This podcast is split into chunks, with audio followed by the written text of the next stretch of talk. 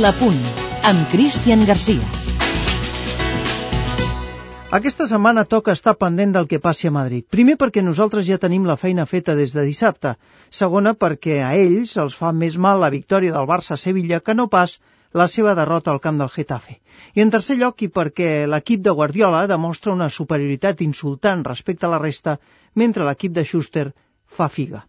Aquesta setmana es farà més llarga a Madrid que no pas a casa nostra, i això vol dir que mentre allà hi haurà corredisses, nosaltres disfrutarem de la tranquil·litat que dona saber-se un equip molt sòlid, un equip guanyador, un equip triomfal.